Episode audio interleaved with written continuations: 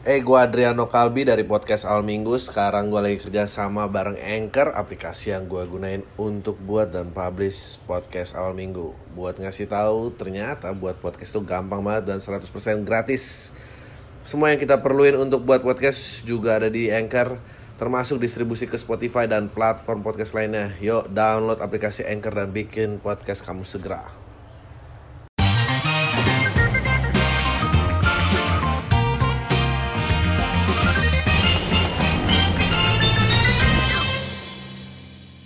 Halo semua lagi dengerin podcast Al Minggu. Bareng gue udah ada ketawa. Bareng gue udah ada apa ya gue resume lu tuh panjang banget. The genius, the hit maker. Gue enak, lebay, gak enak berlebihan lah. Anything that he touch becomes gold. udah ada Nino, eh, Nino dari sekarang ada dua ya afiliasi ya Ran dan uh, Lali Manino ya. Iya, ada Nino aja lah. Oh iya. Itu tapi kalau Nino sendiri tuh penyiar doang gitu. Enggak juga sih. Solo udah ada Enggak juga. tahu, gue apa ya, gimana ya kalau misalnya kepengen melampirkan diri gue, gue cuma senang berkarya aja sih. Gue gue pengen ba- balik dulu dong mundurin dari awal. Gue tuh inget banget momen di mana gue pertama kali dengeran dan gue kayak "Ah, anak kemarin sore ini sekarang duitnya banyak banyak banget. Sedangkan gue lagi day to day job gitu yang kayak why did I miss the train deh. Lo kan Yesterday Afternoon Kids. Heeh, yesterday afternoon kid. Lu tuh eh hanya anak kemarin sore. Tahun berapa lo dengerinnya? Waktu baru rilis. Iya, album pertama. Berarti 2007-2008 ya? 2008. Lo itu baru Gua itu lu gua kelar kuliah kuliah, ya? tuh 2005. Gua lebih gua cepet kuliahnya. Kelar kuliah terus udah cepat kuliahnya kerja. atau emang lo cepat lahirnya nih alias? Enggak, enggak, enggak. Gua Udah lahir cukup berumur. 84. Gua lahir 84 kebetulan gue kuliah yang pokoknya 21 pokoknya 21 gua kelar lah S1. And then Akselerasi bang. uh, 6 semester gua kelar dalam 2 tahun lah pokoknya. Terus Lo kalah sama gue masih. Gue 5 semester kelar. Widih. Cabut. Oh cabut. Cabut dari kuliah. eh gue juga jadi lu males sih lari ngapain. eh kuliah di mana ya? UPH. Oh, Ini ini degree basa basi gitu ya sebetulnya udah uang papa habis ya kan? Nggak habis gue kesian gitu. Jadi eh, dulu setiap gue ke kampus rumah gue tuh masa kuliah gue masih tinggal di Condet. Kampus gue di Karawaci. Jauh dong Jauh, ya kan? jauh banget. terus dengan jarak yang sangat jauh sampai di sana gue cuma di lorong doang ngerokok sama temen-temen gue Ya ampun. kesian bokap gue kan bayar terus mendingan gue cabut. Tapi bokap gue juga nanya sama gue kamu sebenarnya nggak suka kuliah ya? Enggak ya udah nggak usah kuliah lagi ya udah Lu tuh berapa bersaudara ya? empat Oh wow, lu paling sulung ya? Contoh yang bagus bukan? Gokil. Itu yang paling kecil umur berapa? Yang paling kecil sekarang umur 20 berapa ya? Eh, lahirnya tahun 98. 23 tahun ini berarti. Kembar. Sem- semua langsung kayak ah udahlah dunia entertainment aja kayak kakak kita berhasil. Adek gua yang nomor 2 di bawah gua itu arsitek. Adek Oh, wow. gua yang nomor 3, anak nomor 3 itu kerjanya di bank. Hmm. Yang terakhir di salah satu startup company yang Oh wow. yang sering dipakai sama bini lo mungkin buat belanja. Oh hebat banget ya. Bapak lo hebat banget lo berarti. Iya, tapi Jadi yang kembar lo jadi berlima. Ber enggak enggak, jadi berempat gua, ada gue yang cewek dan dua cowok kembar. Oh. Gitu. Tapi satu eh, startup, satu beda ini. Satu startup, satu bank, satu arsitek, satu ya kayak gini deh. Anjing hebat banget ya. Eh, ya karena dari dulu bokap gue tuh nggak pernah kayak mencoba untuk mengarahkan gitu sih. Eh. Kayak intinya dia selalu pengen kayak lo pengen jadi apaan, yuk kita sama-sama Oh hebat. ya. gitu. Kayak paling, paling berat di gue sih sebenarnya. Karena setiap bokap gue nanya gue pengen jadi apa, gue nggak tahu pengen jadi apa. Oh. Makanya bokap gue waktu ngeliat nih anak kayaknya madesu ya. Eh. Masa depan suram nih kayaknya anak nih. enggak dong. Enggak, bukan waktu dia ngeliat ke nilai-nilai gue di sekolah. Oh, iya, dong. Ini anak kayaknya nggak punya masa depan deh bu, mungkin ngomong sama ya, sama nyokap gue. Akhirnya dia mencoba untuk menggali rasa eh, ketertarikan gue sama hal-hal yang mungkin sebelumnya belum gue coba. Contohnya musik. Hmm. Jadi dulu tuh gue nggak suka musik sama sekali, Dri. Maksudnya bukan nggak suka ya, gue cuma listener aja lah. Itu pun juga mendengarkan lagu-lagu yang selalu ada di tape mobil Iya. uh, orang tua gua karena nyokap gua fans berat Kahitna. Jadilah gue dari kecil dengernya Kahitna. Tapi gue nggak pernah kayak ah gue pengen belajar main gitar, main piano gitu. Terus bokap gue tuh yang mancing-mancing. Caranya adalah dia yang les.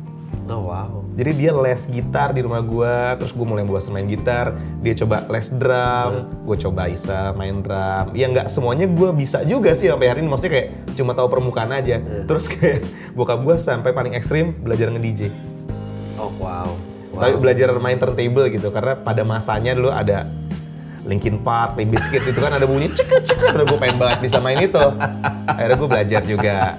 Nah tapi gongnya adalah one day sekolah gue di Alizar dulu, Alizar Pondok Labu. Itu kalau SMA lo harus milih seni itu nggak boleh dua-duanya. Berimin. Dua-duanya Jadi kayak lo mau ambil jurusan seni rupa atau seni musik. Nah oke. Gue seni rupa karena dari kecil gue memang suka banget melukis. Hmm. Dan buat gue dapat ponten bagus di pelajaran seni rupa easy Cukup lah. peasy lah. Eh, Eh, kelas 3 kita harus bikin tugas akhir. Hmm. Seni rupa itu tugas akhirnya adalah bikin pameran hmm. Yang buat anak-anak SMA pada zaman itu kayaknya kurang menarik gitu. Masih belum kayak sekarang gitulah dunia visual tuh kayak belum belum segitu seksinya gitu di mata anak-anak SMA. Terus gue dari tempat gue pameran di lantai tiga gue liat ke bawah, ih teman-teman gue yang ngambil pelajaran musik seru banget. Tugas akhirnya bikin pensi kecil-kecilan gitu, bikin show yang nonton teman-temannya sendiri. Wah cewek-ceweknya pada nonton di bawah. Dan akhirnya gue mulai memutuskan untuk ya pak aku mau serius di musik. Oh gitu. akhirnya gue asik gue itu tuh salah satu pengorbanan pertama yang gue lakuin gitu Eh. nilai yang udah terjamin ya maksudnya kayak gue gue yakin banget gue pasti dapat nilai bagus deh lulus dari seni rupa gue tinggalin semata-mata hanya demi belajar Cewek. main musik Oh, supaya gitu. bisa eh cewek gitu Tapi tapi gue tuh senang loh maksudnya dengerin eh, kayak oh berarti keluarga tuh baik ya semua Hmm. saling suportif sangat yang sang ini yang diirin banyak orang maksudnya gue gue tuh beda banget gue tuh eh, modal modal sebel sama orang tua awas lu lihat nanti gitu oh pembuktian ya Iya. ajang pembuktian ya gue nggak tahu sih kalau disupport bahkan gue sampai Iya. ngeliat orang keluarga yang kalau harmonis tuh kayak jadi apa sih anak-anaknya? Ya, oh, ternyata semua jadi hebat juga ya. Gitu. bokap gue itu selalu bilang dia nggak nggak mau dibilang orang tua dia maunya dibilang temen aja sih mesti kayak dia Oh, kepengen wow, that's amazing. Beli- beliau udah almarhum Eh, tengah tahun lalu beliau meninggal Hmm. tapi ya sampai hari ini gue makin ngerasa bahwa kayak Oh penting. perjuangan doi itu gokil banget nih gue cerita sedikit juga ya Eh, tentang bokap gua- gue ya jadi ini terserah dia pengen diedit kayak gimana Pod- podcast tuh bisa berapa jam sih Bisa satu setengah jam, bisa dua Oke, jam tuh selalu. Jadi eh, ini cerita tentang bokap. Hmm. Bokap gue itu waktu pertama kali eh, memutuskan buat masukin gue ke Alizar, Hmm. gue dulu masih dua bersaudara kan adik gue yang kembar tuh bedanya jauh 11 tahun di bawah gue, jadi belum lahir. Nyokap gue itu dikasih tau temennya ada sekolah bagus nih di Pondok Iya. Labu di Alizar. Rumah gue di Condet. Secara rayon udah nggak masuk Udah, dong, udah, ya kan? udah. Udah bokap gue datang ke sekolah itu terus ngeliat ngomong sama nyokap gue, bagus ya bu sekolahnya gitu. Iya bagus ya. Terus kata bokap gue, anak-anak kita harus sekolah di sini. Terus nyokap gue kaget, loh bayarnya pakai apaan? Nggak tahu. Oh, iya. Tapi ya ternyata masuk aja tuh gue tuh ke Alizar tuh. Gue sama adik gue, jadi dia harus membiayai dua anaknya sekolah di Alizar dengan keadaan bahwa dia nggak tahu ini bisa di Ya. ditopang sampai kapan nih pembayaran uang sekolahnya. Sampai akhirnya eh, ada beberapa hari di mana gue nggak bisa ngambil rapot karena belum bayar uang sekolah. Oh wow, wow. Maksudnya ini nggak semengenaskan dari yang terdengar di podcast ini Padahal barusan sih. mengenaskan aja biar. Nggak, tapi maksudnya bokap nyokap gue itu eh, adalah fighter sih buat Iya. gue gitu karena demi pengen anaknya punya lingkungan sekolah yang baik, lingkungan pertemanan yang baik, mereka rela untuk nge-push limit mereka gitu. wow. Along the way tiba-tiba lahir lagi dua anak lagi Wow, wow, wow, dan banget. masuk Alizar juga. Jadi kita berempat semua di Alizar. Oke, jadi ketemu eh, Rai Asta Di Alizar. Aliza. Alizar. Tapi Project pensi itu. Ah, gini. Jadi Rai sama Asta itu dari SMP emang udah di Alizar. Hmm. Ya, gue juga dari TK di Alizar. Hmm. Tapi gue baru ngobrol sama Rai itu di SMA, sama Asta malah setelah lulus. Oke, Karena saya itu selama di sekolah diem aja. hampir nggak pernah nongol gitu. Dia di kelas makan bekal. Emang anaknya hidup buat belajar aja di sekolah gitu. Kenalnya sama mereka itu suatu hari eh Rai sama Asta punya band namanya FRD dulu sama teman-teman angkatannya. Mereka kakak kelas gue ya. Pengen manggung di pensi angkatan gue. Terus mereka kepengen menghadirkan konsep yang lebih sophisticated lah. Hmm. Pakai backing vokal. Hmm. gue tuh pada masa itu tuh ini secara timeline beririsan sama masa di mana gue mencoba untuk hijrah dari seni rupa ke seni musik. Terus dia ngeliat nih adik kelas gue lagi doyan banget musik, nih, tiap hari bawa gitar bukan bawa buku. Coba tawarin ah gitu jadi backing vokal. Akhirnya gue manggung sama mereka jadi backing vokal. Menyenangkan sekali tapi ya udah selesai gitu. Backing vokal pasan kan sekali manggung doang. Uh, selama waktu berlalu kayak enam bulan, satu tahun, gue lagi ngerasa jatuh cinta sama seseorang. Terus gue bikinin lagu buat dia. Iya kan? Eh, selalu ada uh, Tapi anak SMA uh, nggak punya duit. Pengen rekaman dulu rekaman ya. Harganya eh, mahal dan nggak kayak sekarang. Sekarang bisa di rumah kan. Iya. Ya udah. Gue nggak sengaja uh, menjadi sebuah eh sebuah menjadi ketua uh, sound system di acara buka puasa Alizar. uh, Lagi-lagi bintang tamunya yang diperdayakan siapa lagi kalau bukan alumni. Alumni adalah Rai sama Asta dan bandnya. Pas di ruang tunggu gue bilang sama mereka kayak, eh gue kepengen ini nih, pengen ngerekam lagu gimana caranya ya. Terus mereka bilang ya di studio aja. Ya gue nggak punya duit. Asta abis langsung ngomong, eh di rumah gue aja. Di rumah gue ada alat rekam. Ya alat rekam yang nggak high end, nggak kayak di studio beneran, tapi maksudnya cukup gitu. Ya udah, mulai hari itu gue sering banget main ke sana kayak gue ngerekam lagu gue terus kemudian cerita-cerita tentang musik sampai pada akhirnya mereka ngasih denger sebuah lagu yang masih kosong. Lagu yang cuma musik doang. Uh, band mereka kan FRD lebih sering uh, bermain di lagu-lagu berbahasa Inggris kan. Karena Rai pun dulu juga hampir nggak denger lagu bahasa Indonesia dan Iya. dia nggak nyaman bikin lirik bahasa Indonesia menurut dia. Terus pas gue denger gue bilang sama mereka, eh lagu ini kalau dibikin pakai lirik bahasa Indonesia aja gimana? uh. Eh coba aja. So Ya udah. point of view lah dia. Akhir, akhirnya, that point of view. Akhirnya kita bertiga berkolaborasi untuk pertama kali ngerjain si lagu kosong tersebut. Jadi lagu pandangan pertama. Oke. Nah lagu pandangan pertama itu kemudian sama teman kita dikirim ikutan lomba namanya Indonesia Song Festival dan ternyata maju maju maju maju maju sampai jadi juara dua. Terus kemudian sisanya the rest is udah. apa yang kalian uh, lihat saat ini lah maksudnya kayak alhamdulillah kita lucky bastard banget sih bisa dibilang. Gue terutama lucky bastard karena gue udah nggak dari nggak punya rencana main musik Iya. dipancing orang tua gua untuk jatuh cinta sama musik akhirnya jatuh cintanya bukan gara-gara orang tua gue mancing tapi gara-gara gua suka cewek berusaha untuk bisa main musik ketemu Raya Asta bikin lagu Iya. uh, dapat juara dua di festival kemudian punya album Nah tapi lu tuh yang yang nah, oke. Sekarang gue gue mulai sadar. Jadi oke now um, yang istilahnya sisi idealnya lebih tinggi tuh mungkin ya Ra- Rai sama Asta ya. Lo memberikan perspektif yang eh, ya kalau mereka dibiarin berdua lari ini sayang nih nggak ada apresiasi yang semestinya mereka dapat ya kan? Makanya em, lu tuh sadar itu kayak oke eh, pakai Indonesia oke Rai still can do his thing Asta can do his thing dan kita kita jadilah nih Ram Iya, pokoknya kalau orang tuh menurut gua percampuran yang rata banget sih maksudnya kayak tiga tiga individu dengan dengan background dan dengan sifat dan karakter yang sangat ya sangat dibilang sangat berbeda juga enggak tapi maksudnya kita punya perbedaan lah gitu. Kayak Rai kan orangnya serius tuh kenal Rai kan. Iya, iya. Rai orangnya serius banget walaupun matanya selalu kelihatan beler tapi dia adalah orang paling lurus di dunia gitu orang Iya. orang banyak yang kira dia bandel banget kan Iya, padahal iya. dia sama sekali nggak badung gitu terus dia juga uh, straightforward orangnya terus dia kalau berkata-kata ya karena mungkin uh, lebih suka mendengarkan lagu hip hop dan R&B dia pasti akan sangat lebih lebih punya hasanah berbahasa dalam dunia rap Iya, iya. seperti apa yang biasa dia dengar gitu. Terus Asta semua juga tahu dia lebih seneng megang gitar daripada ngomong, dengan ngomong gitu. Terus dia pendiam, terus dia kaku. Bahkan di manggung pertamaran kita sempat marah sama dia karena dia nggak mau berinteraksi bukan, Oh. karena dia nggak mau pakai sepatu, manggung maunya pakai sendal. Dia belum nggak ini ngehandle masalah MLI di mana dipanggil interview maunya pakai sarung di sini pakai sarung mas sendal suka suka lah Iya, pokoknya intinya alhamdulillah kita gue percaya sama anak-anak gitu ya uh, bahwa poinnya tuh adalah kita harus bersyukur kenapa kita dipertemukan. Soalnya kalau misalnya isinya bukan kita bertiga ya nggak bakal jadiran juga.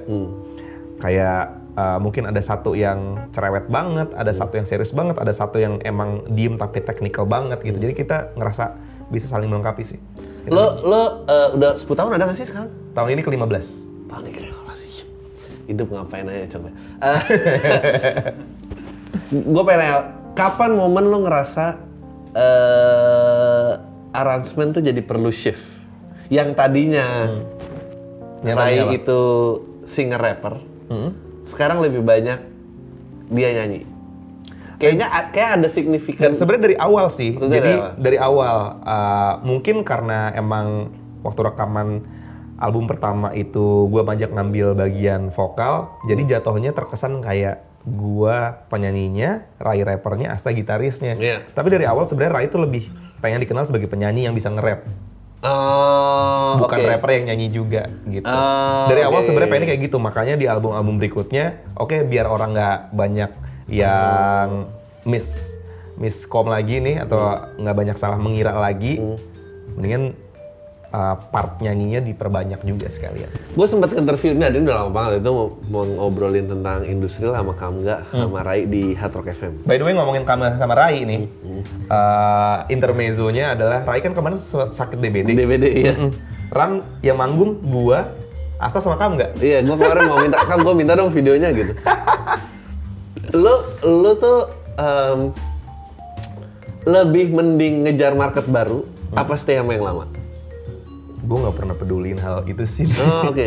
Maksudnya Gue kira kayak lo sangat sangat memikirkan itu loh. gini, mungkin pada dasarnya kenapa lagu gue deket sama apa yang dibutuhkan sama market karena dari kecil gue denger Kahitna ya. Oke. Orang kan selalu bilang, lo nggak mau coba lebih idealis. Iya, iya. Idealisme gue adalah Kahitna. Oke. Jadi maksudnya ketika gue pengen mencoba menjadi diri sendiri yang mungkin notabene di mata orang-orang itu adalah semakin nggak bisa dimengerti sama publik, gue enggak. Iya. Seapa adanya gue ya musik yang gue denger biasanya, musik yang gue tulis biasanya, kemampuan gue untuk mengekspresikan diri dalam musik ya adalah dengan cara seperti itu yang ternyata dekat sama kuping kuping banyak orang gitu. Iya. Gue tuh nggak kenal lo tapi kalau main sama Kamga tuh selalu kesebut ya. Oh, Rai mah pengen jadi Yovie Widianto modern gitu. Siapa? Eh, Kamga Kamu nggak kenapa? selalu ngomong gitu. Ah, Eh kalau Nino pengen jadi Yofi gitu. selalu selalu ngomong gitu kayak now denger ceritanya gue jadi ngerti oh ini tuh asalnya gitu. ya mungkin sebenarnya Ma- Mas Yofi perannya penting banget dalam dalam cara gue berkarya gitu karena dari kecil gue denger karyanya Kahitna gue emang fans sama dia juga sebagai pencipta lagu tapi sih eh, ya mungkin itu eh, apa yang kamu gak tangkap kali ya. Tapi sih gue nggak pernah nge-state ya kalau gue pengen jadi Mas Iya, Yofi iya, iya, iya. modern gitu. Tapi mungkin kalau pengen punya karya sebanyak dia pengen karyanya Bisa diterima segitunya sama Indonesia seperti dia sih siapa yang nolak? Tapi lo kayaknya eh, tapi di musik juga pasti ada ya per- perbincangan idealis mainstream apa gitu. Dan itu kayaknya nggak habis-habis gitu. nggak bisa habis makanya sebenarnya hari gini sih udah nggak ada ya kalau menurut gue ya yang namanya mainstream sama side stream gitu. Sekarang kan semuanya kan by demand. Betul. gitu. Kalau dulu kenapa disebut side stream? Mungkin karena musik-musik itu nggak bisa masuk ke media yang mainstream gitu. Jadi orang harus dengarnya lewat cara yang lain. Tapi kalau sekarang kan semua orang dengarnya dengan cara yang sama. Lewat DSP lewat eh, YouTube gitu. Jadi gue sekarang percaya yang namanya musik ya musik aja sih Sekarang eh, kan lo humble beginning, reuni eh, bikin pensi di sekolah, lala, and then run happen, dia besar. Eh, lo momen perta- yang paling lo inget dan lo mikir kayak anjir ternyata kenapa hidup jadi segede gini? lo bisa ceritain nggak? Kayak kok se- gini sih? apa ya gak tahu gue nggak segede nggak pernah Nggak pernah nyangka. susah gue nggak nge-recall perasaan itu karena menurut gue sampai sekarang aja pun gue gitu aja sih Nah, apa eh, apa tindakan fans tergila yang pernah dilakuin ke lo? Eh, nongol di rumah Ngapain? ya nongol aja Anjir. Iya mesti kayak pernah dan ini rumah gue yang dulu gitu di Condet. Oh, wow. yang keberadaannya kan juga su- susah loh men. Kayak Nyari lo nyari rumah di mana? Di eh, Green Andara gitu kayak rumahnya Raffi Ahmad ya. Kan gampang ya nyari Iya, gampang. blok segini nomor segini rumah di Condet ya kayak gitu men. Abis nomor 7 bisa nomor 100 gitu. Beda hitungannya. Tapi pernah nongol. Tapi menurut gua itu adalah salah satu bentuk apresiasi aja sih. Nggak ekstrem ekstrimnya nongol tapi maksudnya nggak yang jadi ganggu juga habis ketemu ya udah selesai Lu tuh orangnya ini juga ya, maksudnya ya gue bisa bayang sih lu cocok sama Rai gimana karena kayaknya nggak ada pribadi yang Apa? bergejolak dan marah. Kalian kalau berantemnya kayak apa? Oh gue, gue di antara kita bertiga mungkin bisa dibilang paling kayak petasan sih. Maksudnya tapi petasannya nggak selalu harus diartikan dalam arti emosi. Iya, ya. iya, iya. Tapi maksudnya gue tuh selalu meluap-luap. Gue tuh nggak tau kayaknya gue tuh punya punya drive dalam diri gue yang kayak kalau pengen ngelakuin sesuatu tuh harus se, se- semaksimal mungkin, Hmm. sepenuh hati gitu. Jadi uh, jadi kalau misalnya Diran tuh bisa dibilang Rai itu orangnya sangat realistis. Ya. Asta itu di tengah-tengah, gue tuh bagian yang suka mimpi. Wah. Nah, terus Lale Imanino, Oke, ini kita pindah universe nih. Winda Universe. ini ini tahun keberapanya Ran mulai ada Lale Imanino? Lale Manino tuh berdiri tahun 2014, berarti tahun ke 8. Kenapa lo kepikiran bikin ini? Sebenarnya ini juga lagi-lagi nggak Umur sih gitu. sengaja Apakah sih. sudah senja? Apakah sudah? enggak, enggak, enggak. Jadi sebenarnya ini lucu nih, karena tadi bilang eh, soal Mas Yofi ya. Jadi Lale Manino ini terbentuk karena kita sama-sama diundang di ulang tahunnya Mas Yofi. Hmm, Oke. Ran sama Malik dan juga banyak orang lainnya diundang. Di Bali mereka eh, bikin kayak event gitu di satu hotel dalam rangka ulang tahunnya Mas Yofi. Terus kemudian kita tiga hari tiga malam di sana kerjaannya cuma manggungnya sekali sisanya senang-senang aja. Hmm. Ketemulah sama Lale sama Ilman. By the way Lale ini dulu awalnya juga sempet bantuin Ran juga. Jadi gue udah kenal duluan. Ilman yang belum kenal. Ya udah kita ngobrol-ngobrol terus gue kayak gue capek deh kalau misalnya harus nunggu satu setengah tahun atau dua tahun untuk bikin lagu. Karena kan proses album gitu ya. Dulu kan kita rilis album promo rilis single single single single baru bikin lagu lagi untuk album berikutnya. Gue cerita sama mereka nih lagi pep talk aja awalnya kayak lagi di pinggir kolam renang gitu. Terus kayak gue kepengen banget nulis lagu terus gimana caranya ya gitu. Terus mereka ternyata punya perasaan yang sama. Begitupun juga kan di Malik pasti runutannya sama juga tuh. Bikin album rilis single promo promo promo baru bikin album lagi kan. Ya udah terus mereka bilang ya udah ntar kapan-kapan main ke studio aja di Jakarta gitu. Kalau udah balik ke Jakarta. Ya udah akhirnya ke Jakarta balik bikin lagu. Lagu pertamanya itu untuk Bastian Steel Ya. judulnya Surat Izin Mencinta. Gue nggak tahu itu Patrick atau bukan deh Kayaknya Most bukan deh. likely- Enggak, bukan. Oh. Soalnya kan Bastian yang cabut. Ya biasanya udah cabut. Bastian yang cabut ya. Lo lo bik gue kayak mau mengadu dong. Kenapa nggak aja? beda. Capability producingnya beda. Ah, kenapa nggak ngajak Rai sama Asta? Mm-mm. Ya karena kalau misalnya gue sama Rai sama Asta, pasti akan jadi musiknya Ran lagi. Oke. Terus kemudian, coba lo bayangin kalau misalnya ini terjadi sama tetap bareng sama Rai sama Asta ya. Hmm. Eh, dengan load pekerjaannya Ran saat ini di tengah-tengahnya lu dipush sama klien, dipush sama Iya. musisi untuk kayak kapan nih album gue beres, kapan nih single gue Iya, beres. iya. Lama-lama Rannya bisa Hancur. bisa nggak jadi bikin apa-apaan iya, gitu. iya. Jadi dan lagi pula sebenarnya ini kan nggak direncanakan gitu. Ya karena obrolan hari itu sama Lale sama Ilman dan kebetulan Lale sama Ilman ketemu sama gue, terjadilah Lale Ilman itu. Raisa tuh lo yang discover apa? Asta. Asta yang discover. Sebenarnya sih uh, dia ada kelas lu kan? Bukan, dia di 34 SMA-nya. Oh. Tapi dulu Raisa itu sering manggung sama kita sebelum kita jadi Ran. Hmm. Uh, kita udah kenal sama Raisa, kita sering kayak manggung di acara-acara ya tau lah ulang tahun, Sweet Iya. Seventeen, terus abis itu ada kayak kenalannya orang tua kita, ada acara ngundang kita nyanyi gitu. Kenalnya dari situ, tapi kemudian uh, diproduksi sama Asta album pertama sama keduanya. Kalau gua Hi-Fi, Oh, high five. Hi-Fi anak-anak Aliza rata-rata. Enggak, gue tuh tadi kayak lu dengerin aja dipanggil ini teman-teman orang tua gitu. Hubungan orang tua dan anak yang sehat sekali. Gua suruh nyebut temennya bapak gua satu, gua kayak siapa? Gua nggak ada, gua, gua taunya om semua. Eh, lu nyangka nggak Lali Ilman Nino tuh, Hmm?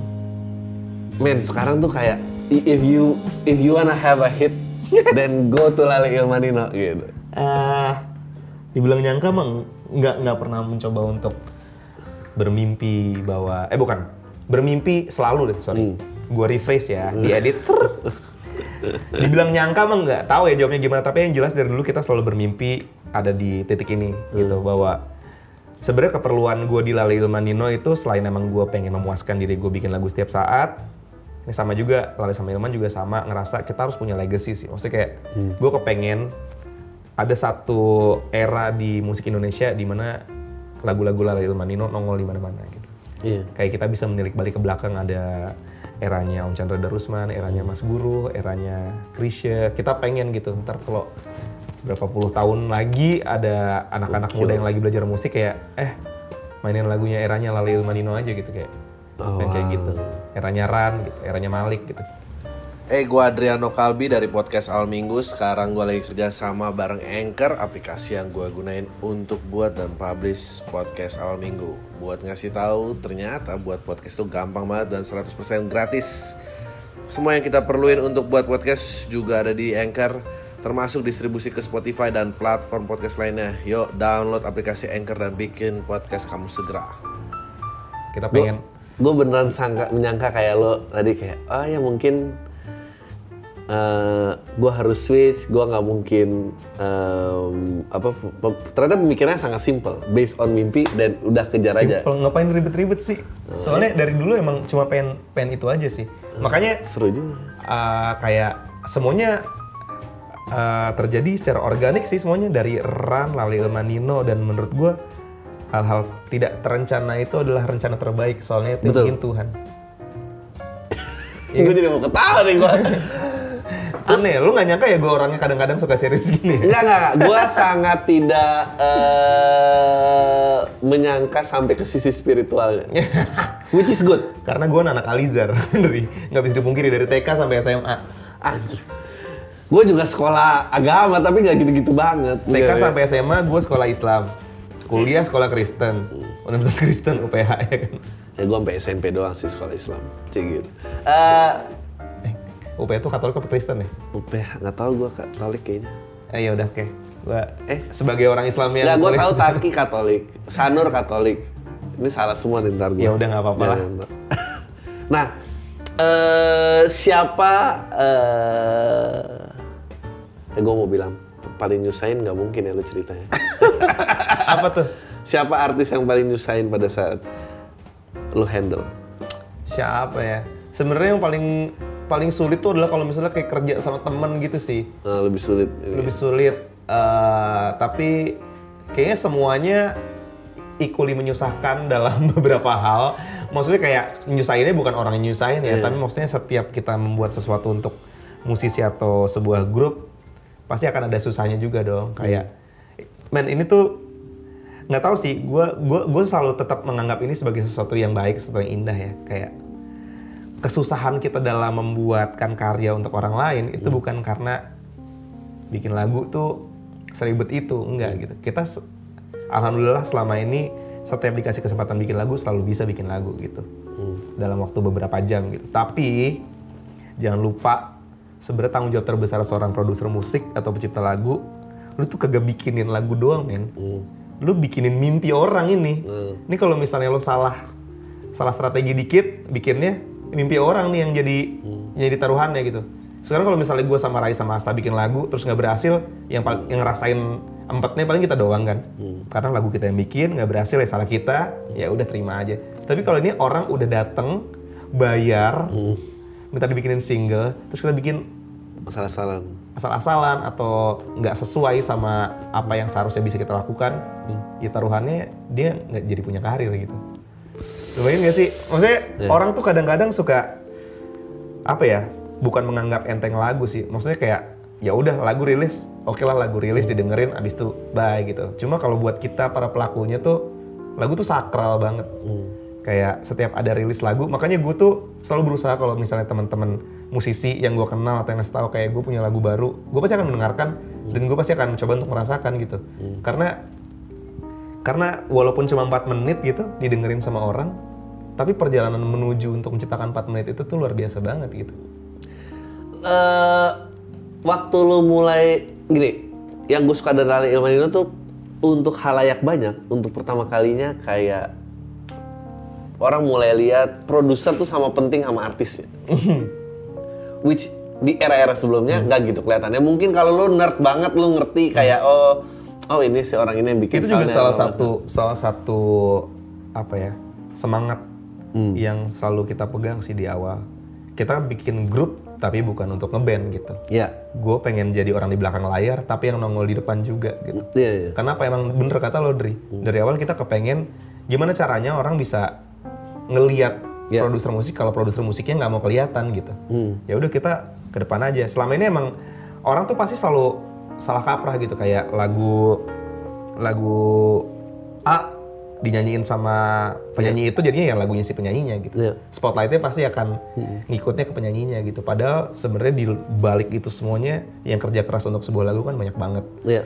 kita sih kepengen banget harapannya nih dulunya kalau misalnya orang udah bisa lebih menghargain pencipta lagu, menghargain produser musik, pasti orang bakal pengen cari tahu kenapa lagunya bisa dibuat, story behind the song, dan orang akan lebih eh, mencari cara untuk mendengarkan lagu secara benar gitu.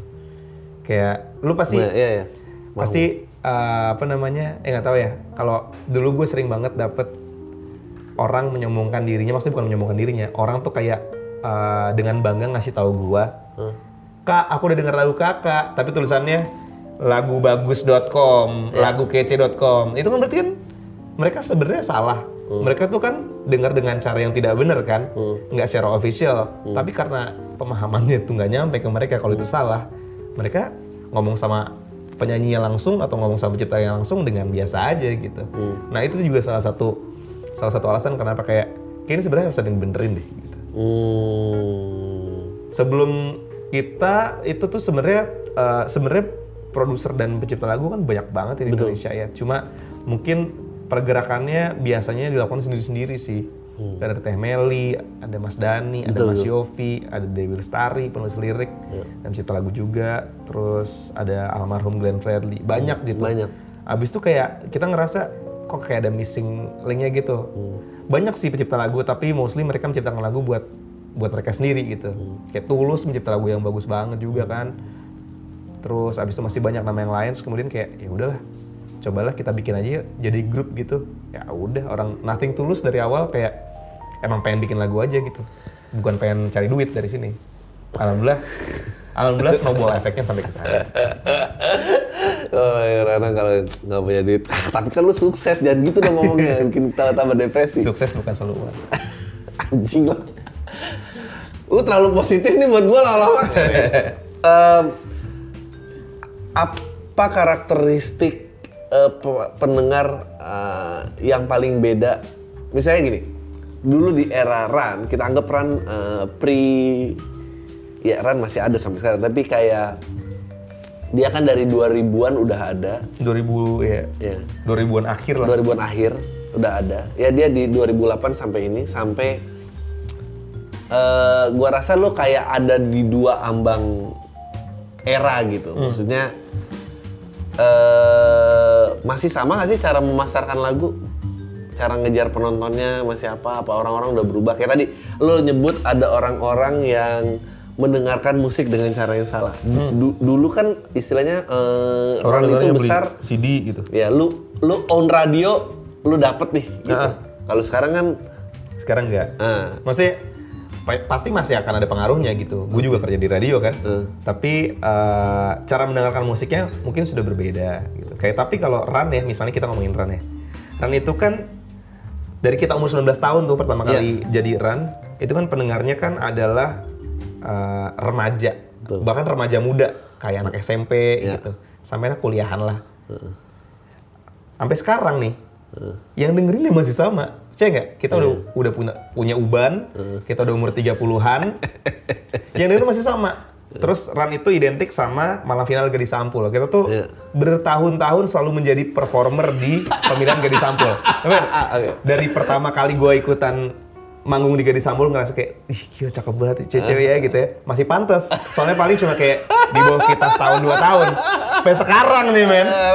Gadis Sampul kayak ketemu manggilnya om.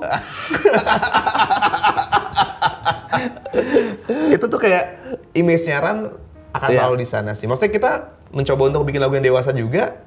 Ya pendengar dewasanya pasti adalah pendengar kita dulu yang sudah dewasa. sudah dewasa gitu. Dan alhamdulillah tapi berarti positifnya kan masih bisa merekrut pendengar baru setiap saat gitu. Gue masih sering kok main di pensi SMP. Oh wow. Iya. Kemarin tuh sebelum kita mulai pandemi ya, masih ada manggung di SMP. Gue pernah manggung di pensi anak SD, percaya nggak lu? Dan mereka Ini- nyanyi lagu Ran. Dan ini kayaknya yang beda eh, stand up comedian sama musician. Kenapa? Nggak karena comedian dia akan nempel sama dia. Hmm. Dan lu nggak mungkin, ya nggak tahu ya kalau yang lain. Gue sih rasanya kayak, ya kalau diputusin jangan, gue nggak mungkin ngomong kayak gitu. Kalau diputusin. Kalau diputusin jangan baper, maksudnya biar materinya relate ke anak SMP. Oh iya iya iya. Sementara gue kayak, gue 37, gua, I don't find it funny lagi gitu. Gue pun juga bingung kenapa bisa kayak gitu. Apalagi kayak gue pernah ngebahas ini sama Raisa Masta. Eh, ntar kalau misalnya kita udah umur 45, kita masih pakai Sneakers dan sneak- apa? sneakers dan baju warna-warni sama lompat-lompat nggak sih di panggung? Heeh. Kayaknya sih kalau misalnya masih kuat iya kata dia. ya udahlah so be it lah. Maksudnya kita nggak pernah juga ngeplan kayak eh besok kita bikin lagu kayak gini karena umur kita segini ya enggak sih semua sekeluarnya dan ternyata mungkin jiwanya masih di situ aja. Ya itu itu itu konsisten di gadis sampul sih gila sih. Ya. Iya gokil gokil gokil. Padahal kan harusnya ada Femina ya. Pernahkah anjing? Pernah nggak akhirnya eh, fame tuh jadi sesuatu yang bumerang buat lo?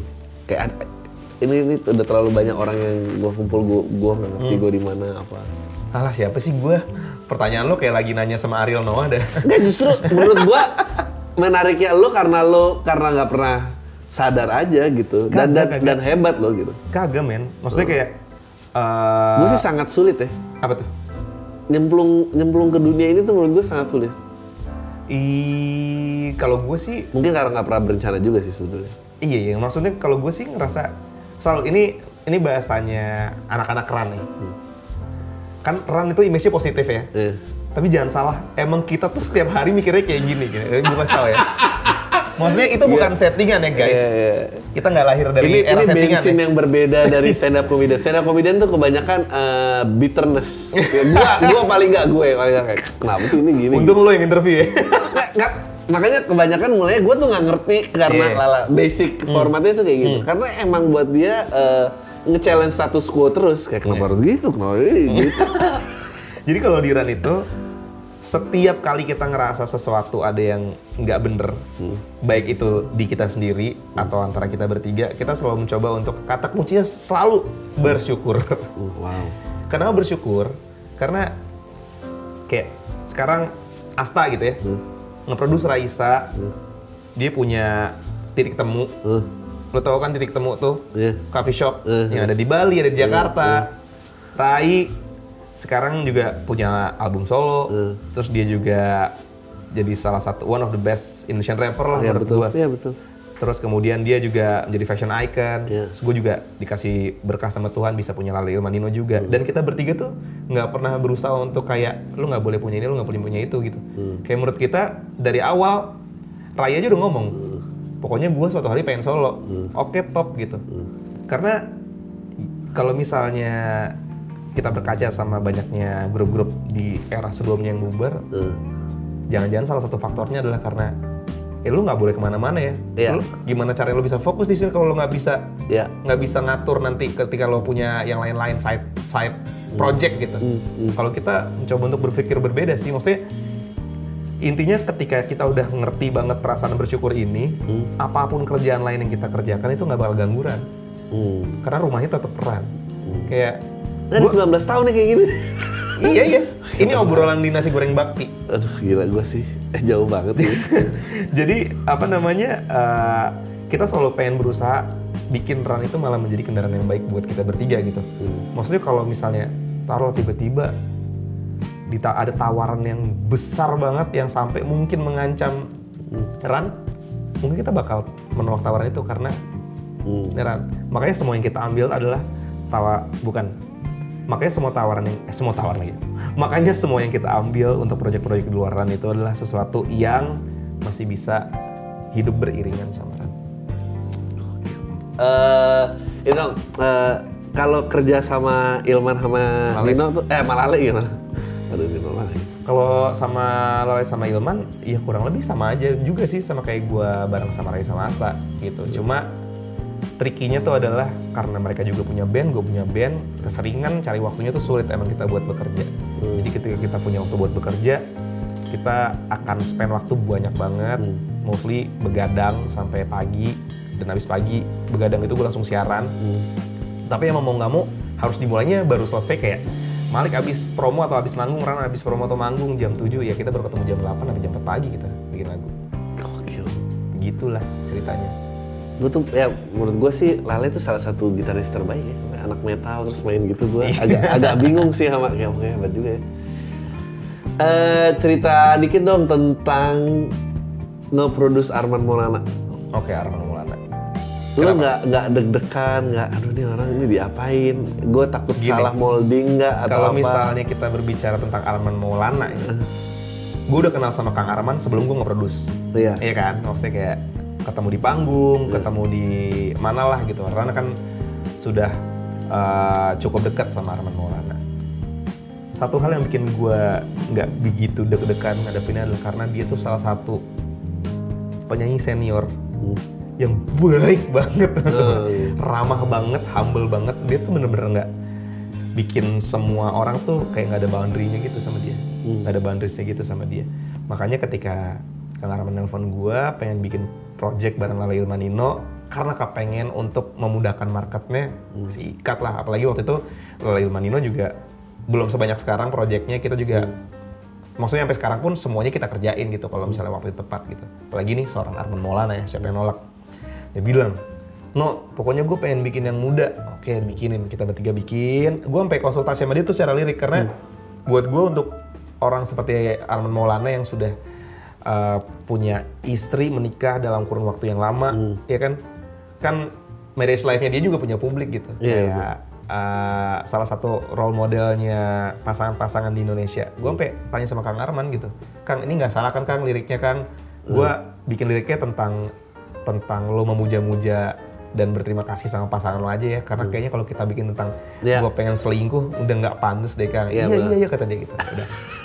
Coba bikin musiknya, dan ini kita kirim, terus kita dengerin. Aduh no, ini tuh musik ini musiknya modern banget ya. Katanya pengen bikin yang modern Kang. Kar nih. Gue pengen musik anak muda kata dia gitu. Anak muda gimana Kang? Coba cari referensi. Kasih. Gue dikasih denger lagu Every Kind of People. Hmm. Tahu gak? Tung, tung, tung, tung, Every tung. kind of people. Gitu, gitu. Makanya ada lick itu ya. ada Ada ada lick kayak gitu ya, sedikit, agak ya. mirip ya. Terus abis itu dengerin, ya Kang itu mah bukan lagu anak muda, itu lagu lo zaman muda. ada sedikit kesalahan persepsi gitu di sana. Iya. Kadang-kadang mentok referensinya udah nggak bisa ini lagi udah. ya tapi ternyata juga kan yang namanya musik kan akan menjadi siklus terus ya. Hmm. Iya. Ternyata anak-anak zaman sekarang pun Balik lagi pas sama apa yang Arman dengerin waktu masih muda.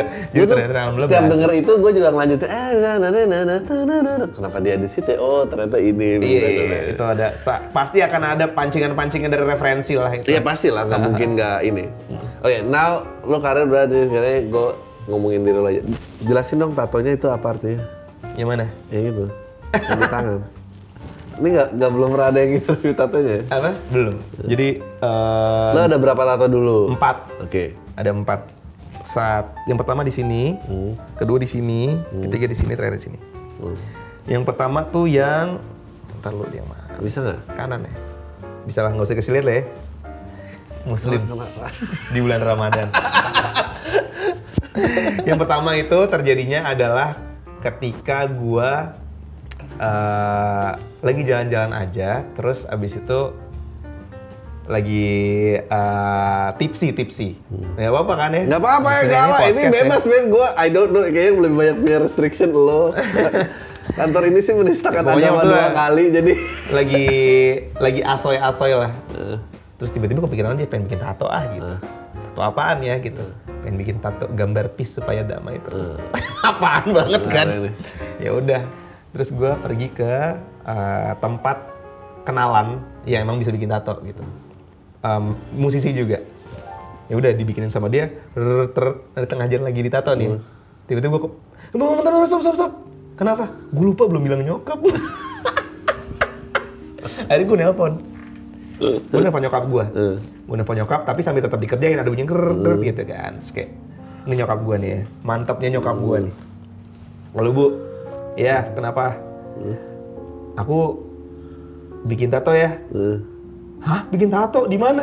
Di sini nih. Udah mulai dari tadi. Hah? Nino gitu kan?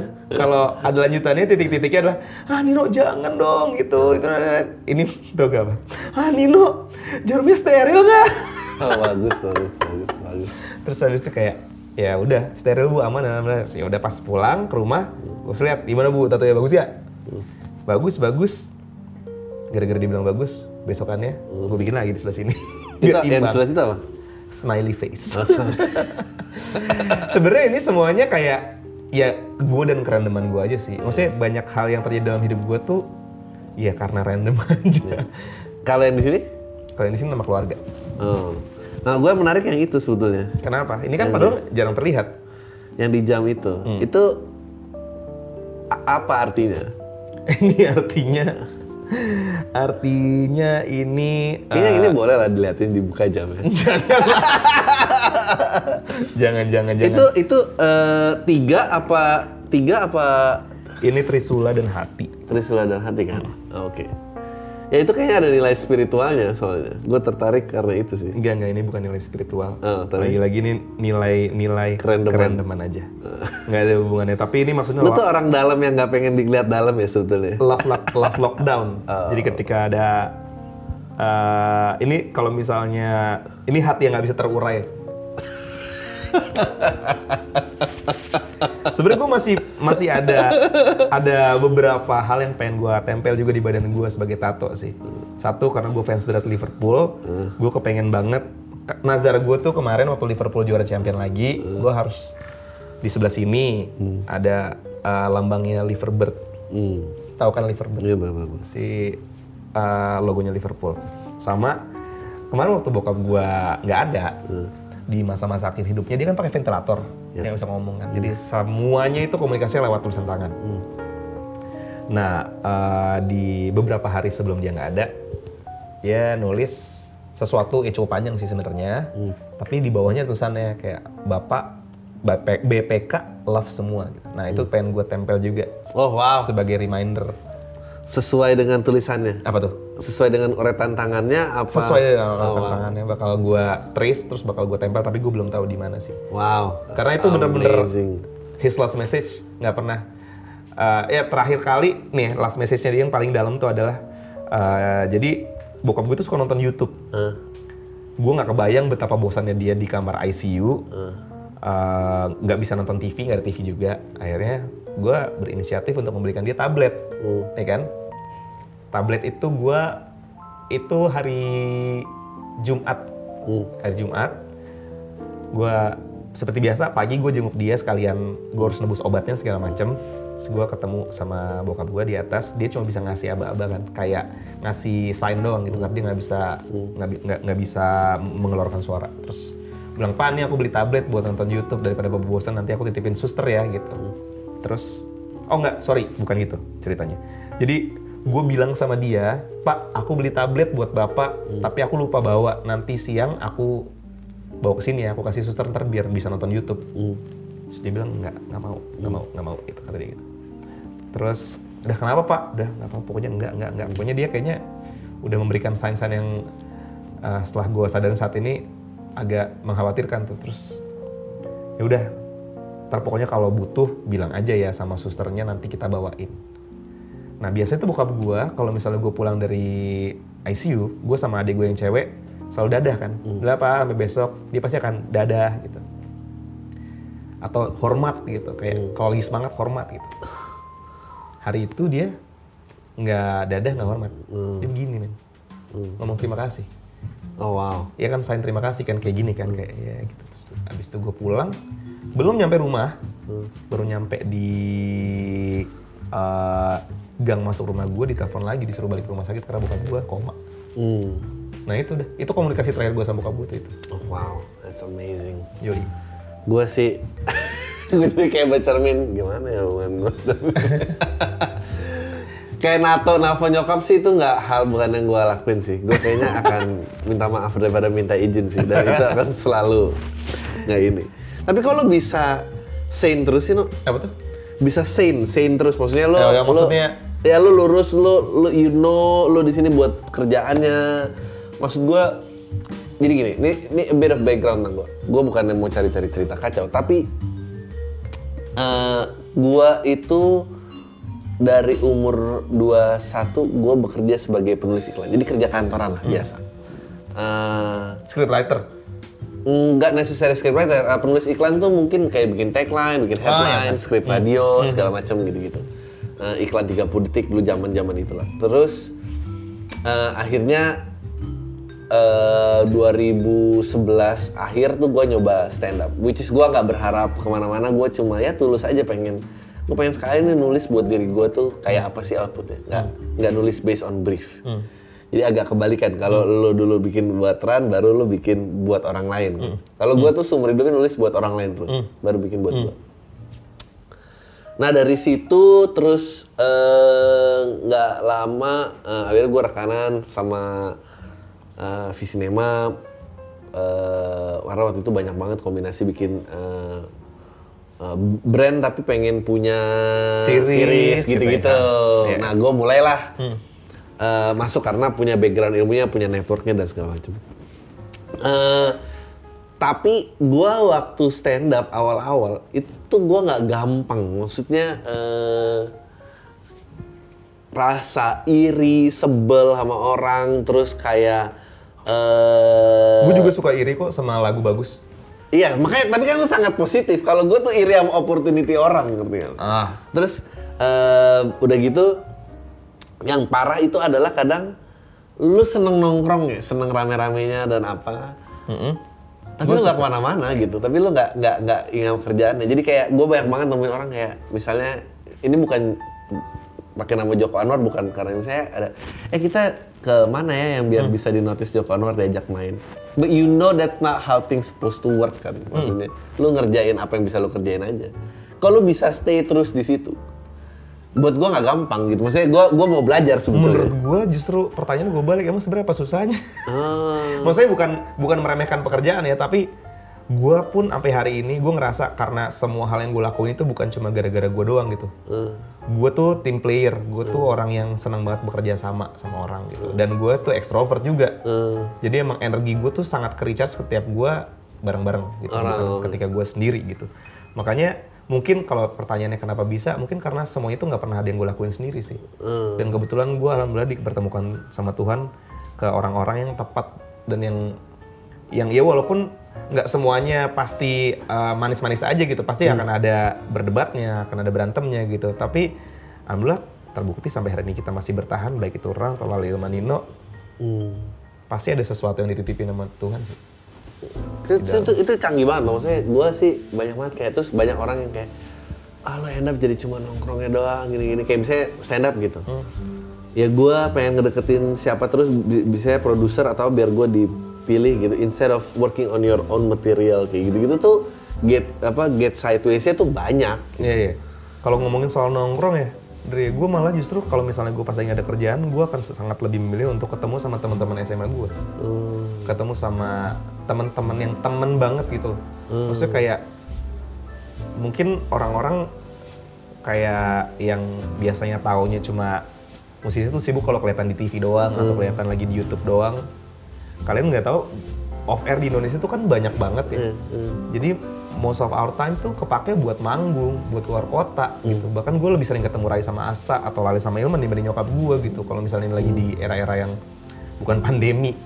Jadi kayak kalau misalnya gue lagi ada waktu luang, gue gue nggak akan pernah tuh kepikiran pergi ke mana supaya kelihatan sama siapa gitu. Gue justru kepengen hilang dari semuanya dan Iya, makanya. bergabung sama teman-teman gue untuk bisa menjadi kita aja. berapa ini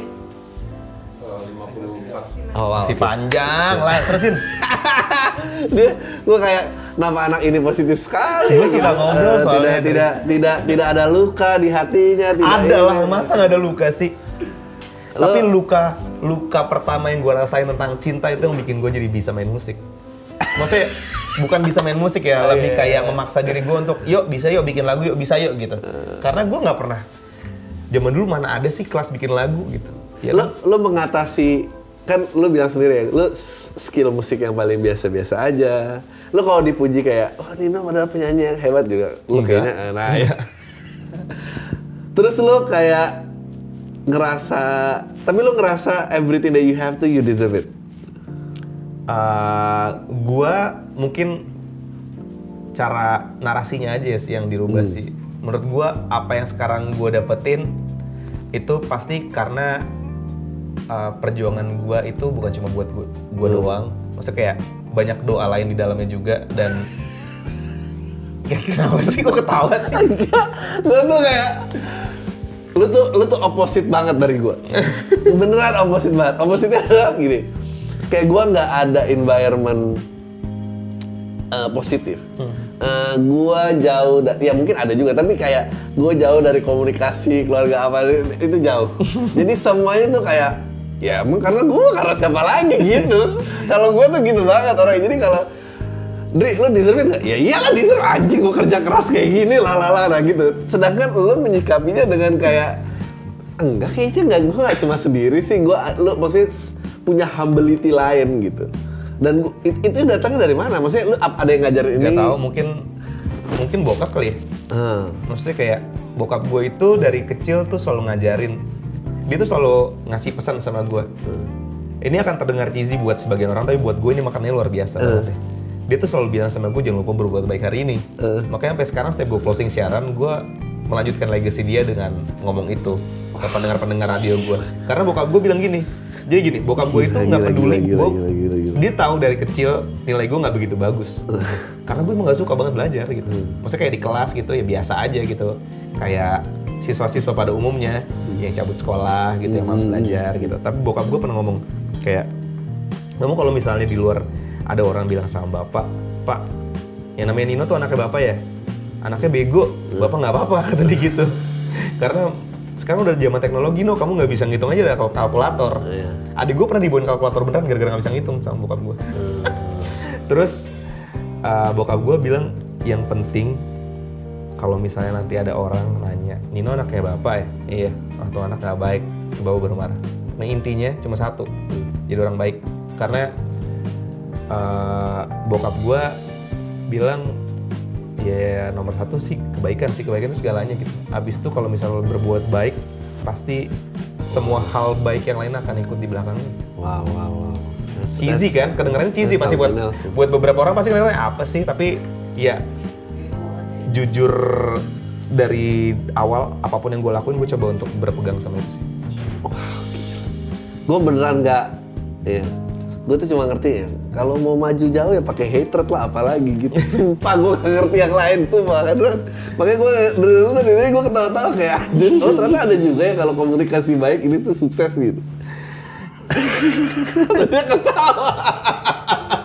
Karena karena ya mungkin mungkin dulu eranya maksudnya orang yang berkesenian apa pun itu basisnya biasanya broken Iya gue gue heartbroken kan. Iya iya. Pertama kali dong. akhirnya gue mencoba untuk bikin lagu. Lo udah denger lagunya lagunya uh, Discord yang kita bikinin kan, Ah, Krisya kan, iya. yang refnya kalau ditarik ke bawah membentuk Krisya. nama Krisya dan ada 24 judul lagu di dalamnya. Jadi ketika orang pada kayak wah wah wah wah kok bisa kayak gini disusun jadi Krisya. Sebenarnya lagu pertama gua, pertama kali gue bikin lagu, liriknya nulisnya kayak gitu gue. Oh, wow. Lagu cewek. Oh. Nama cewek itu. Itu lagu lagu cinta pertama gue tulis karena si patah hati itu. Jadi seseorang gak sih orang itu sekarang? Jadi gitu. Eh, ya di dunia karirnya sih dia oke, Ah, tapi oke. eh, dia bukan di dunia entertainment. Hmm. Penyesalan panjang dong ya. Kagak gitu. lah. Sebenarnya sampai sekarang. Kagak lah. Such a positif. Berarti kayaknya lu tuh kedeketin orang juga civil sekali. Kayaknya putus-putusnya juga civil. Buktinya nggak sampai aja masih temenan. Sekarang menurut gua it- itu itu Temen else ya. sekolah soalnya Dri, cinta monyet lah anak SMA. Cuma mungkin di situ gue menyadari bahwa gue ini kayaknya salah satu strength gue Hmm. dalam bermusik. Gue kan banyak kan posnya kan dibikin lirik, Hmm. saya bikin notasi karena kan gue bisa main alat musik tapi segitu aja gitu cuma buat nemenin nyanyi atau nemenin bikin lirik salah satu strength gue selama ini adalah eh, kayaknya hati gue gampang kenapa kenapa deh Hmm, sebenarnya iya, maksudnya the best tool. kayak gampang ngasih sinyal gitu. Hmm. Kalau misalnya gue ngerasain A, gue bisa langsung mengekspresikannya gitu Hmm. lewat kata-kata atau lewat nyanyian gitu. Nah, waktu gue tuh kan nggak pernah bikin lagu ya Hmm. sebelumnya. Tapi waktu gue patah hati itu nggak tahu kenapa tiba-tiba gue kayak nangis, gue sedih. Aduh nggak bisa nih gue harus ngapain, gue harus ngapain, gue harus ngapain ya. Aduh gue harus ngapain ya. Terus gue ambil kertas, gue nulis lirik. Hmm. Apaan sih kan pada waktu itu kayak kenapa bisa ya gitu. Padahal sebelumnya gue nggak pernah bikin lagu, tapi jadi-jadi aja tuh. Ya udah keterusan. Gue mungkin boleh kehilangan kesempatan untuk dapat cinta pertama gue. tapi Iya benar. tapi dari kehilangan itu gue dapat musik. Benar benar musik itu yang bisa dibilang jadi cinta gue sampai saat ini karena gue sekarang hidup dari musik, Iya. hidup untuk bermusik gitu. Dan musik udah jadi hidup gue sih sekarang. Ya, lu kalau nggak kalau Padahal itu gue gue nggak pernah menganggap diri gue musisi sampai hari ini. Nah, tapi kalau lu hari itu jadian ya, lu seneng hari itu doang, lu nggak tahu nih the rest of your career jadi apa diisi apa. seneng nggak kan ngelihat premis-premis kayak gitu, gampang tuh dijadiin kata-kataan buat lo tahu. Iya, kan. iya, iya. Lu kalau ya ampun. Oh iya. Eh, kalau kenapa orang yang biasanya paling skillful Hmm? lacking of skill yang generalis kayak lo? Ah udah, Lu nggak tahu ya? nggak Gimana? tahu deh. Kayaknya nggak juga, ah. Nggak juga ya? nggak juga. ah. Gila, Isyana Saraswati kurang apaan? Dia Iya sih. skillful banget. Dia tuh juara, juara Asia ya, Uh. elektron. Main elektron aja, ya, juara di rumahnya susah banget men. Karena main pakai tangan dan main pakai kaki juga mencet bahasa gitu. Dia juara Asia. Dan juara dunianya elektron. Jadi main keyboardnya di bandnya dia. Hmm. gitu maksudnya kayak kayaknya enggak deh yang paling penting tuh menurut gue tuh adalah eh apa ya kalau bikin karya itu ya kalau menurut gue supaya bisa nyampe sekarang pendengar musik itu juga udah pinter gitu orang selalu ngomong eh musisi-musisi sekarang tuh udah canggih sekarang udah teknologi tuh bikin semuanya lebih mudah bikin mereka bisa lebih berkembang bikin karya yang lebih baik gitu. Tapi orang suka lupa pendengarnya pun juga makin canggih gitu. Bahwa pendengarnya itu kan sekarang kan bisa milih apa pun yang pengen mereka tonton atau mereka denger. Tapi orang suka lupa gitu. Mereka tuh cuma ngerasa kayak oh bikin lagu ntar pasti dimakan sama orang. Enggak men lo harus mikirin juga bahwa pendengar musik di Indonesia dan di dunia ya secara general mereka tuh bisa bedain lagi mana karya yang lu atau karya yang sebenarnya diciptakan hanya untuk meraih keuntungan doang gitu Hmm. kalau menurut gua yang cara termudah untuk bisa bikin uh, bikin karya lo itu jadi sesuatu adalah jangan pernah berharap karya lo jadi sesuatu sih. Iya, Karena innocent aja biar iya. Karena ketika lo pengen bikin karya lo jadi sesuatu, itu tuh kayak terlalu banyak bumbu-bumbu Iya. yang dipaksakan di dalamnya gitu. Sementara ketika lo pengen bikin karya aja udah, itu bakal jadi karya emang yang keluar dari diri lo aja gitu. Sekarang kayak Ran gitu ya, kita ngomongin Ran. Kita juga bukan anak-anak kuliah musik, Hmm, kita nggak tahu tuh kalau misalnya dijabarin. Tuh pandangan pertama do re mi fa sol la si do nya gimana nggak ada yang tahu. Tapi gue ngerasa kita ya apa adanya aja. Ya sekeluarnya kita ya seperti itu gitu. Sementok-mentoknya kita keluarnya kayak gitu. Tapi menurut gue kita bisanya 5 misalnya ya kita keluarin 5 gitu 5 per 5 kan 100% tapi mungkin ada orang yang bisanya 10 tapi ternyata aduh karyanya supaya lebih gampang dimakan sama pendengar kita bikinnya 5 aja deh gitu. Hmm. jadi itu nggak sepenuhnya mereka tuh ngeluarin apa yang bisa mereka keluarkan. Jadi kan cuma 50% Nah, atau mungkin ada yang beda lagi nih yang sebenarnya cuma 8 tapi pengennya ngeluarin 10 gitu. Jadi kan lebih-lebihin dirinya juga yang maksudnya kayak Iya. nggak pada porsinya gitu pokoknya semua itu harus pada porsinya sih kalau menurut gue sih Lo ngimbangin itu gimana pada di Lale Ilmanino eh, pada saat Oke, p- penyanyi yang senior, kalau lo kan pasti pengen mencari relevansinya. iya Terus dibi- dibikin relevan tapi tanpa menggerus dia itu siapa gitu atau nggak menjadi sesuatu yang embarrassing tuh. Enggak sih kan kan kita pasti akan workshop ya sama penyanyinya gitu. Maksudnya kan enggak sistemnya nggak kayak mereka pesan lagu kita bikin lagu, nih lagunya lo rekaman gitu nggak kayak gitu kan. Kita dari scratch tuh udah bareng sama penyanyinya. Bahkan untuk beberapa penyanyi kayak misalnya penyanyi-penyanyi baru gitu ya, yang masih perlu dicari nih arahnya mau ke mana, kita bisa satu hari itu cuma ngobrol doang sama dia. Hmm. kayak misalnya pengen bikin lagu tentang apa? Nggak tahu nih kak pengen bikin lagu tentang apa ya gitu. Pasti ada yang kayak gitu kan. Ya udah kita harus gali dong. Maksudnya kayak balik ke obrolan kita sebelumnya gue kepengen lagu harus lagu yang emang dirasain. Iya. harus lagu yang emang sesuai sama sama jalan hidupnya dia sekarang gitu. Ya udah akhirnya gue bisa tuh nyuruh dia duduk terus kita nanya aja berarti kita gue lah sama Inan bisa nanya udah kamu pengen curhat apa? Curhat aja sekarang gitu.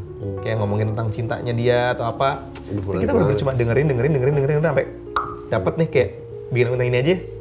Ya kak itu aku banget. Nah itu jadi